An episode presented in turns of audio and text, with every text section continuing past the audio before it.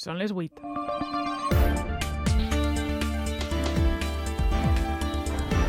Les notícies de la nit amb Sara Garcia i José Soler.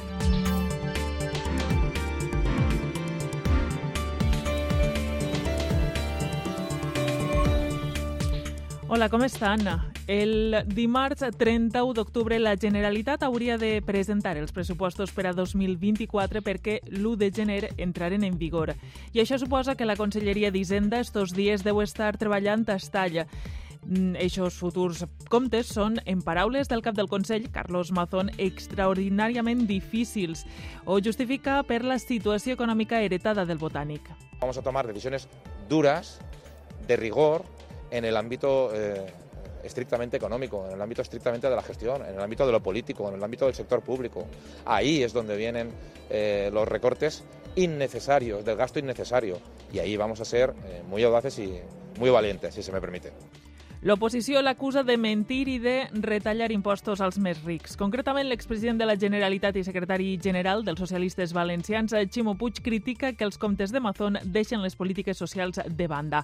La portaveu adjunta de Compromís, Isaura Navarro, ha rebutjat que el Botànic siga la coartada de les retallades intencionades del govern de Mazón perquè el Botànic li deixa, assegura, els millors comptes possibles després del que es trobaren en arribar al govern el 2015. 2015. Seran uns pressupostos en funció d'una posició política que ha expressat durant molt de temps que no són els serveis públics fonamentals allò que es preocupen.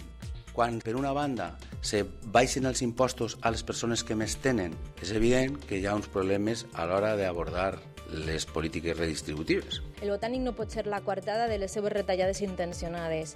El motiu de les retallades segurament serà per donar els impostos als més rics, que és l'única mesura que han adoptat fins ara. Eixa és la realitat. A l'1% de la ciutadania, a la que té les rendes més elevades, a ells es perdona els impostos i ara ja està anunciant les retallades. Els comptes de 2024 són notícia avui dilluns 23 d'octubre, com també ho és el futur de la llengua.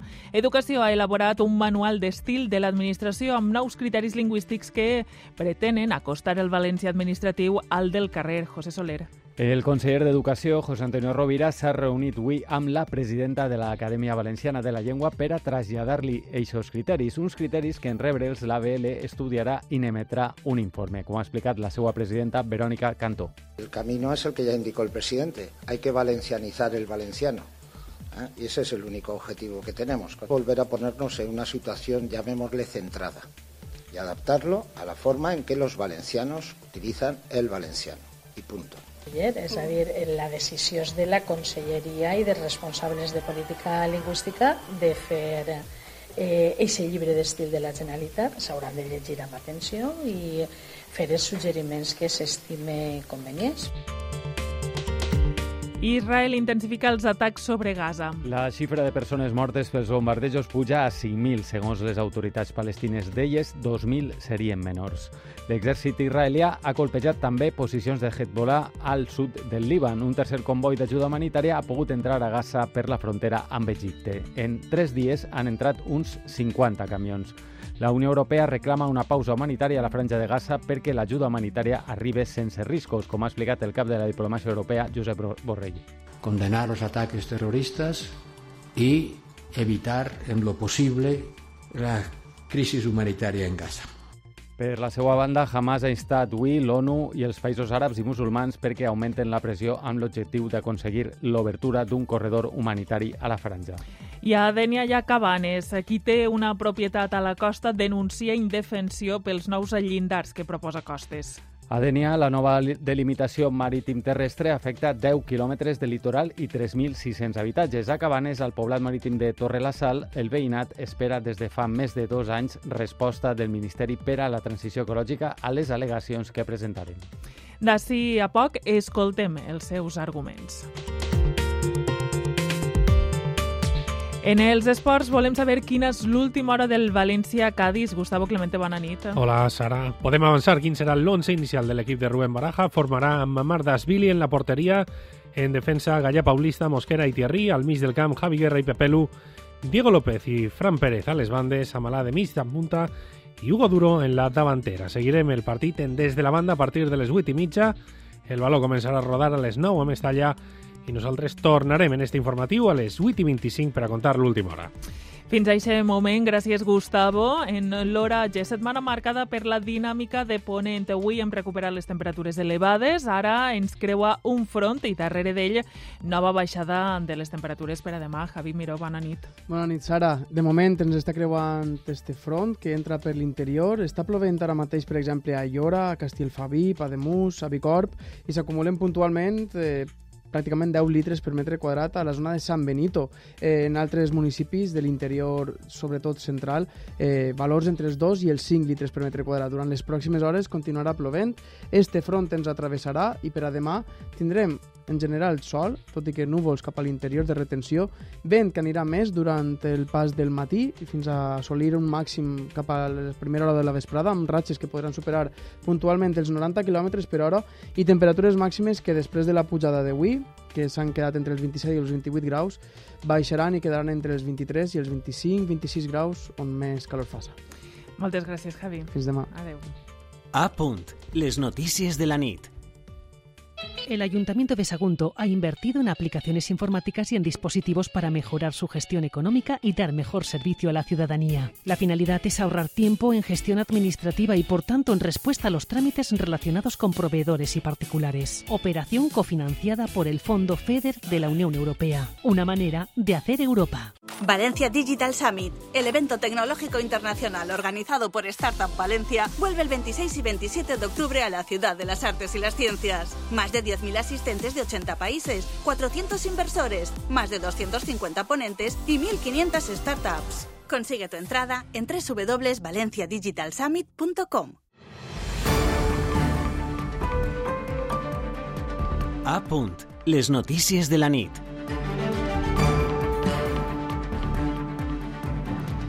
Són les 8 i 7 de la vesprada. Comencem el relat informatiu. I ho fem amb comptes, perquè el president de la Generalitat anticipa que els pressupostos que preparen per a l'any que ve seran durs i culpabilitza el govern anterior de la greu situació d'endeutament que pateix la comunitat valenciana. Socialistes i Compromís asseguren que els comptes que prepara el govern de coalició, PP-Vox, amaguen retallades en serveis fonamentals. Una crònica de Lola Olivera. Son los primeros presupuestos muy duros por una situación económica heredada lamentable. Aquestes paraules pronunciades avui pel president de la Generalitat han generat la indignació de l'oposició que per al·lusions li contesta. Ximo Puig, secretari general del PSPB, i Saura Navarro, portaveu adjunta de Compromís. La herència rebuda del govern del senyor Mazón ha sigut tots els indicadors econòmics i socials millors des que va deixar el Partit Popular a la Comunitat Valenciana. Indignant escoltar aquestes declaracions del senyor Mazón que una altra vegada torna a mentir a la ciutadania. El botànic no pot ser la coartada de les seves retallades intencionades. L'esmentada duresa dels comptes públics també ha provocat poc després la repregunta i Carlos Mazón insistís. Duros por rigurosos en la gestión de todo lo que sobra. Y vamos a empezar a eliminar todo lo que sobra. ¿no? Estem expectants al miracle. Segurament serà per donar els impostos als més rics, que és l'única mesura que han adoptat fins ara. Sabem que els pressupostos contemplaran la nova política fiscal del Consell amb la baixada d'impostos anunciada i cap partida reivindicativa per l'infrafinançament, però la despesa social no es tocarà, segons el president. En el ámbito estrictamente de la gestión, en el ámbito de lo político, en el ámbito del sector público. Ahí es donde vienen eh, los recortes. Els pressupostos han d'entrar a les Corts abans de l'1 de novembre per a la seva tramitació i a l'oposició ja no li quadren, però no serà fins a aquesta data quan es desvele la lletra menuda. I els escrits i comunicacions de la Generalitat s'adaptaran a un valencià més proper a la parla del carrer. Són els nous criteris lingüístics del govern valencià que avui han sigut presentats a l'Acadèmia Valenciana de la Llengua perquè els revise i en done l'opinió. Magda Nicolau. El gestit el nou llibre d'estil de l'administració valenciana segons el conseller d'Educació amb un objectiu principal. Valencianizar el valenciano de la administración y adaptarlo a la forma en que los valencianos utilizan el valenciano. Un canvi necessari segons José Antonio Rovira. Se había catalanizado por parte del gobierno del botánico. Había unos criterios durante muchísimos años y el Botanic decidió cambiar esos criterios. Lo que, que pretendemos es volver a ponernos en una situación, llamémosle, centrada. Els nous criteris es justifiquen per acostar-se a la parla del carrer i ja estan majoritàriament recollits per l'Acadèmia Valenciana de la Llengua. Ignasi Martínez és el director general de Política Lingüística. La recuperació de les formes curtes dels demostratius, este, esta, el que es pugui gastar l'article neutreló, però dins d'aquest registre més col·loquial, més informal. Amb el nou document a la mà, l'Acadèmia Valenciana de la Llengua emetrà la seva valoració. Verónica Cantó n'és la presidenta. Faré suggeriments que s'estime convenients. Es farà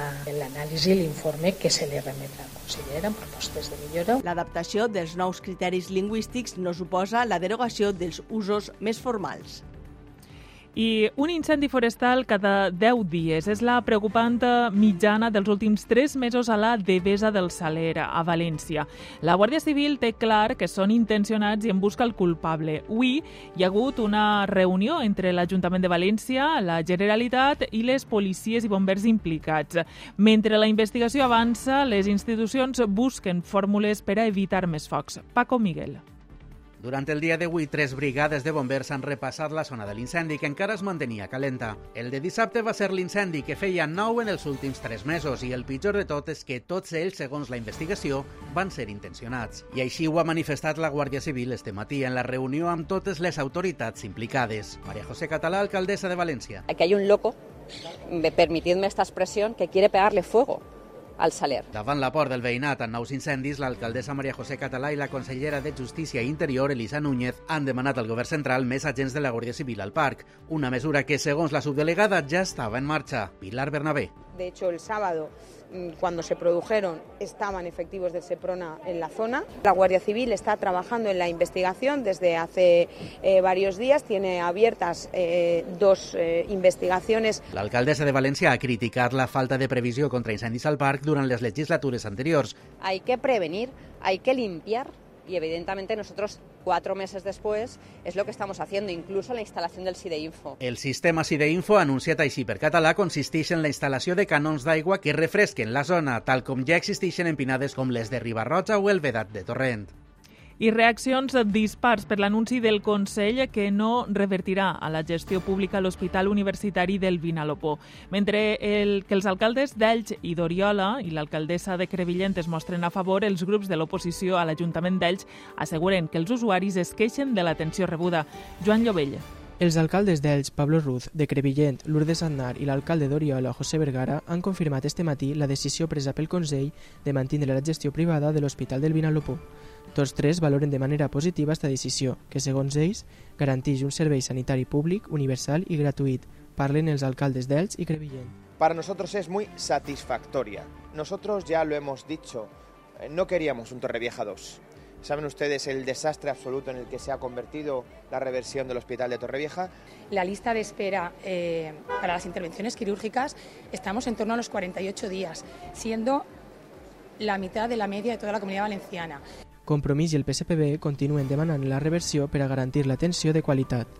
Esther Díez, portaveu de Compromís per Elx, i Héctor Díez, portaveu del PSPB a Elx. L'atenció sanitària, que se garanteix en millors condicions per a la ciutadania, és la que és 100% pública perquè atén a la salut de les persones. Las quejas son más que evidentes, el personal es escaso, eh, hay listas bastante largas de espera. Des del comitè d'empresa de l'hospital denuncien la diferència en la ràtio treballadors-pacients respecte dels hospitals de gestió pública. Oposició i treballadors volen que l'hospital torni a la gestió pública el 2025. Les notícies de la nit, amb Sara Garcia i José Soler. I ens desplacem cap al conflicte d'Israel i Palestina. Portem 16 dies de guerra i, lluny d'acabar-se, corre el perill d'escampar-se aquest conflicte. L'exèrcit nord-americà ha desplaçat al Mediterrani dos portaavions, bucs de guerra, sistemes de defensa i avions de combat davant d'una possible escalada bèl·lica. A Gaza, en el dia en què ha pogut entrar el tercer comboi d'ajuda humanitària, les forces palestines eleven a 5.000 les víctimes mortals dels atacs israelians. Rafa Salom. Pel que fa a l'ajuda humanitària, en tres dies han entrat uns 50 camions, quan habitualment entraven 100 al dia. Tampoc ha arribat gens de combustible necessari per als generadors com els que necessiten els hospitals. L'aviació israeliana assegura que ha fet blanc en 320 objectius militars. El món no fa res per nosaltres, es queixa este gatxatí després de soterrar un fill. En les últimes 24 hores han mort 400 palestins. La xifra de víctimes mortals ja supera els 5.000. A banda, hi ha altres 4.000 palestins de Gaza que tenien feina a Israel i que ara estan en parador desconegut. I l'exèrcit israelià ha pujat avui a 222, la xifra de persones segrestades per Hamas. També ha comunicat que un soldat israelià ha mort i altres tres han resultat ferits en una incursió en la franja de Gaza per tractar de localitzar els hostatges. Des del 7 d'octubre, moment en què els radicals perpetraren una incursió sorpresa en territori hebreu, Hamas ha mort més de 1.400 persones, la majoria civils. Pedro Sánchez s'ha reunit a la Moncloa de vesprada amb l'ambaixadora d'Israel i el cap de la missió diplomàtica de Palestina. Les trobades per a analitzar la evolució del conflicte s'han produït per separat i no ha transcendit més informació. El president del govern en funcions havia atès de matí els representants de la comunitat jueva i musulmana. L'executiu els ha garantit que mantindrà els esforços per a assolir una solució diplomàtica i política a la guerra. I més coses. Mentrestant, i encara sense data d'investidura, el PSOE anuncia un eh, comitè federal i una consulta a les bases sobre l'acord amb Sumar. En la coalició asseguren que la negociació continua oberta, però els socialistes ja iregen que preguntaran a la militància, com ja van fer el 2019 amb el pacte de govern amb Unides Podem. Laura Ribes el PSOE mostra interès en anunciar un acord imminent amb el seu soci preferent, tot i que el portaveu de Sumar, Ernest Urtasun, balla a un altre ritme. Ya les anunciaremos cuando tengamos el, el cómo está ese acuerdo hecho, pero la jornada laboral, para nosotros es fundamental la reducción de la jornada laboral que esté en el acuerdo de gobierno. La reducció de jornada laboral, cavall de batalla de Sumar, avui troba per primera vegada la porta oberta en la part socialista de l'executiu. Nadia Calviño, vicepresidenta econòmica en funcions. Es un debate que está a nuestro alrededor y que, por supuesto, hay que seguir eh, llevando a cabo en, en los próximos años. Però en Podem, amb cinc diputats, es mostren crítics. Pablo Fernández, portaveu dels Morats. Ese acuerdo, esas negociaciones, como digo, nos parece insuficiente. Mentrestant, Alberto Núñez Feijó aprofita un acte sobre l'Estatut de Guernica esta vesprada a Bilbao per a enviar un missatge al Partit Nacionalista Basc, força indispensable també per a l'aritmètica de Pedro Sánchez. Yo no soy nacionalista. Sin embargo, los respeto y merecen que no intente engañarlos a cambio de un apoyo pasajero. En clau interna, Gènova prepara canvis en l'equip d'Alberto Núñez Feijó per a reforçar la seva estratègia en l'oposició. Escoltes a punt. Les notícies de la nit. Els contem a les 8 i 18 pràcticament que propietaris i propietàries afectats per la llei de costes de Dènia denuncien indefensió davant de l'administració pels nous llindars en 10 quilòmetres de costa del municipi. Són 3.600 immobles afectats, dels quals més d'un centenar perdran la propietat de sa casa automàticament. Una situació que es viu en altres punts de la comunitat, com a Torre de la Sal a Cabanes, que anys després de la notificació del Ministeri de Transició Ecològica ecològica perquè abandonaren les cases encara es troben esperant una resposta a les al·legacions. Víctor Vidal. El nou llindar establit pel Ministeri de Transició Ecològica en 10 quilòmetres de Costa d'Ènia fa que dins queden més de 3.600 cases i edificis que passen a ser propietat de l'Estat. Pedro Pastor és el president de l'Associació d'Afectats per la Llei de Costes a Dènia. Te dan una concesión, que llaman ellos compensatoria, que se supone que es un justo precio dejarte estar en tu casa por unos años más, siendo que después vas a tener que abandonarla y vas a tener que costear el derribo y el desescombro. Al poblat marítim de Torre de la Sala, Cabanes, van rebre una notificació del Ministeri que havien d'abandonar les seues cases fa més de dos anys.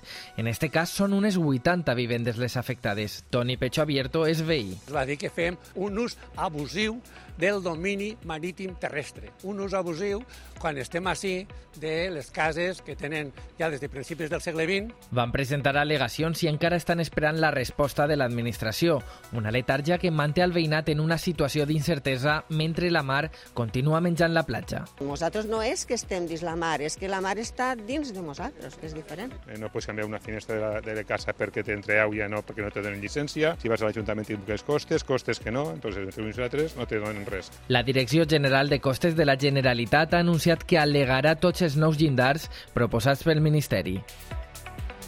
I més coses. Des que va entrar en vigor la llei de l'habitatge fa cinc mesos, l'oferta de lloguer d'immobles, d'un immoble habitual, ha caigut un 31% a la comunitat valenciana. És l'alerta que llança l'Associació d'Immobiliaris a Sisval. Demana canvis urgents en la normativa perquè doni més seguretat als propietaris i s'animen a traure habitatges al mercat. Núria Navarro. El mercat del lloguer està en números rojos. Al darrere està l'aport dels propietaris a l'impagament, ja que la llei d'habitatge dona una major protecció als llogaters. Són casos com el que pateix Julián de la Peña, propietari d'Habitacle Alacant. De una propiedad mía alquilada cuyo inquilino ha visto que tengo tres propiedades más, no lo puedo echar, no me paga. Yo sé que ahora voy a empezar un, desahucio que voy a estar más de dos años. En només cinc mesos, l'oferta de vivenda habitual ha caigut un 31% a la comunitat valenciana i més encara a les comarques d'Alacant, on la caiguda és del 40%. D'altra banda, el que no deixa de créixer és la demanda. La gent que busca pis o casa per a llogar ha augmentat vora un 15%. Nora Garcia, presidenta de Sigval. La nova llei ha sigut la puntilla que li, que li faltava al mercat. Hi ha gent que desconfia i que prefereix tindre-la tancar o vendre la vivienda o destinar-la a un altre tipus de lloguer molts propietaris han decidit endurir els requisits del lloguer o pujar-ne el preu. Prefereixen el lloguer temporal, turístic o per habitacions. Per això les immobiliàries valencianes demanen canvis. Dotar de garanties als propietaris i més seguretat jurídica per animar a que es traguen més vivendes en el mercat. Una situació crítica que també impulsa els preus. Han crescut un 15% l'últim any. Les notícies de la nit. Eh, també els avancem que mm, d'última hora Hamas ha alliberat dos hostatges més, ja en són quatre en els últims quatre dies. I els contem també que el Consell de Govern de les Illes Canàries ha enviat una carta al president en funcions, Pedro Sánchez, perquè sol·licite a la Unió Europea l'activació del mecanisme de protecció civil comunitari. Esta eina permetria habilitar més fons i recursos per a donar una millor resposta al fenomen migratori. Això després de constatar que els dispositius d'atenció a les persones migrants comencen a estar exhausts després de molts dies seguits sotmesos a una pressió màxima. Només este dia han arribat al Hierro i Tenerife 5 cayucos amb 570 migrants d'origen subsaharià, 46 d'ells menors d'edat. Actualment han arribat més de 4.000 a l'arxipèlag i la xifra continua avançant. Per això, l'executiu canari ha subratllat que no necessiten un mecanisme de solidaritat entre comunitats autònomes, sinó que necessiten un mecanisme estable que done una resposta continuada. A punt. Les notícies de la nit. I sei peronista, el peronista Sergio Massa i l'ultraliberal Javier Milei lluitaran el pròxim 19 de novembre per aconseguir la presidència de l'Argentina. Massa ha trencat les enquestes i s'ha imposat en la primera volta al gran favorit, Ana Domènech. L'aport a Javier Milei, la fortalesa de la maquinària peronista o l'extensió són algunes de les claus que expliquen la victòria del candidat d'Unió per la Pàtria, Sergio Massa, sobre el gran favorit de la llibertat en marxa. Una sorpresa que manté la incertesa en la segona volta que se celebrarà el 19 de novembre. En la baralla electoral, els vots dels partits que ara han quedat fora, com la formació de l'expresident Mauricio Macri, encapçalada per Patricia Bullrich, podrien ser decisius. Joan d'Alcázar, catedràtic d'Història Contemporània de la Universitat de València. Eh, és possible, no, és segur que farà valdre el seu pes, però és més difícil d'imaginar que vaja a tindre una capacitat decisiva en el sentit de conduir els seus votants a donar-li suport a Milei. Per això els dos candidats s'han llançat a seduir els seus votants. I l'exdiputada Maria Corina Machado arrasa en les primàries de l'oposició a Venezuela. L'escrutini s'ha paralitzat al 26% del recompte dels vots per un problema informàtic i es desconeix quan serà la pròxima actualització, però la candidata a la presidència ha aconseguit el 93% dels suports, a moltíssima distància dels altres candidats. Esta política conservadora, inhabilitada pel xavisme, aspira a enfrontar-se al president Maduro en els comicis del 2024. Espanya ha demanat a la Unió Europea que elimine les sancions a Venezuela, com ja han fet als Estats Units, arran les millores en les relacions entre el govern actual i l'oposició. Les notícies de la nit. Quan el temps hauré de viure atrapat en el present I en la por musical, la llum que il·lumina el món, de Josu Miró, inclosa en La llum, millor disc de rock en els darrers Premis Ovidi, que es van lliurar ahir diumenge. Un disc que l'autor defineix com molt personal. Un treball on ha pogut crear amb la gent de sempre, però des de la llibertat, una circumstància que Josu Miró considera que està ben present en el resultat del contingut. I no hi ha i no hi ha. I no hi ha prou temps per extingir-te del tot. I no hi ha prou anys per esborrar-te. I et tinc gravat a foc ben dintre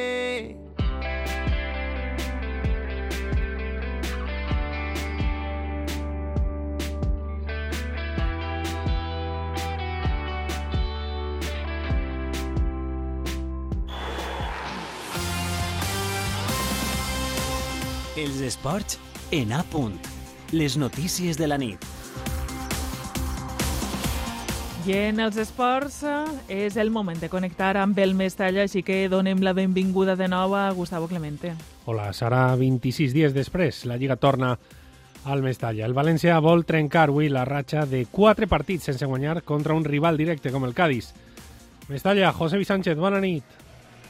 Salutacions, Gustavo, salutacions a tota l'audiència de la ràdio de punt de la cabina 14 de l'estadi de Mestalla, poc més de mitja hora per que comenci este València-Cádiz, que els anem contar com sempre en la ràdio de punt. Ja estan els porters dels dos equips calfant sobre el terreny de joc, encara no ho estan els homes de camp tant del València com del Cádiz, però sí que Gustavo tenim ja 11 confirmats per part dels dos equips en el València. L'11 previsible del Pipo Baraja amb Jordi en porteria, Gallà, Thierry, Gabriel i Mosquera en línia de defensa, Diego López, Fran Pérez, Pepe Luis, Javi Guerra al del camp, ja a la davantera, Selim Amalà a la mitja punta, Hugo Duro com a referència ofensiva per part del Cádiz, un valencià a l'eix de la defensa, Fali i un ex-valencianista en la punta d'atac, Maxi Gómez. El València vol trencar la ratxa de quatre partits seguits sense guanyar en Lliga i no guanya, no venç al Cádiz, també en competició domèstica, des del 2006 a trencar la mala ratxa i a escalar posicions en la Lliga i allunyar-se del descens.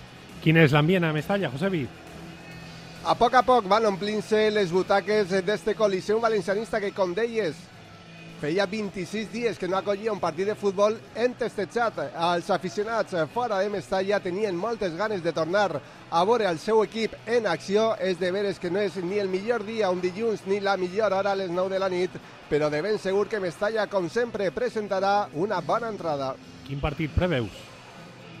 Un partit tancat, els dos tenen problemes amb el, amb el gol, amb dos porters dels més espectaculars de la Lliga, Conan Ledesma, el guardameta que més parades fa, 38, i un Jordi Mamardasvili, que és el gegant de Mestalla i que ha jugat els últims 51 partits de titular.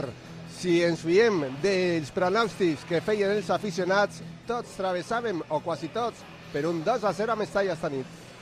Gràcies, Josebi. T'escoltem de seguida des de la banda. Fins després, Gustavo. I el món del futbol també ens deixa una imatge, la de Jenny Hermoso, protagonista absoluta de la concentració de la selecció, l'anomenada concentració de la treva amb la federació. Totes les mirades centrades en la jugadora durant la signatura del conveni per la creació d'una comissió mixta que faça efectius els acords de la reunió d'Oliva del mes de setembre. Consell Superior d'Esports, Federació i jugadores han iniciat la negociació per enfortir el futbol femení assegurar-ne el creixement i el prestigi internacional. Tant de bo siga així. En el món del futbol en segona, doncs eh, vull la part alta de la taula. Nou equips en la lluita amb una diferència de només 5 punts després d'esta jornada, que deixa tercer i amb 23 punts el Llevant Unió Esportiva. I un últim apunt de tennis. A Roberto Bautista li està costant agafar el ritme després de tanta inactivitat per culpa de les lesions i avui ha perdut al torneig de Basilea davant el neerlandès Botic van der Zandschulp eh, per un 7-5, 6-7 i 6-2. Més esport, tot seguit en Des de la Banda i l'anàlisi després de la roda de premsa de Baraja en línia de fons. Moltes gràcies, eh, Gustavo, i cuida't eixa veu, eh? Fins després, sí. Fins després. Nosaltres, les notícies de la nit, posem punt final així a l'informatiu. Tornem demà i ara ja saben que es queden amb Jordi Sánchez i la resta de l'equip de Des de la Banda. Gràcies per estar ahí i que passen bona nit. Adeu.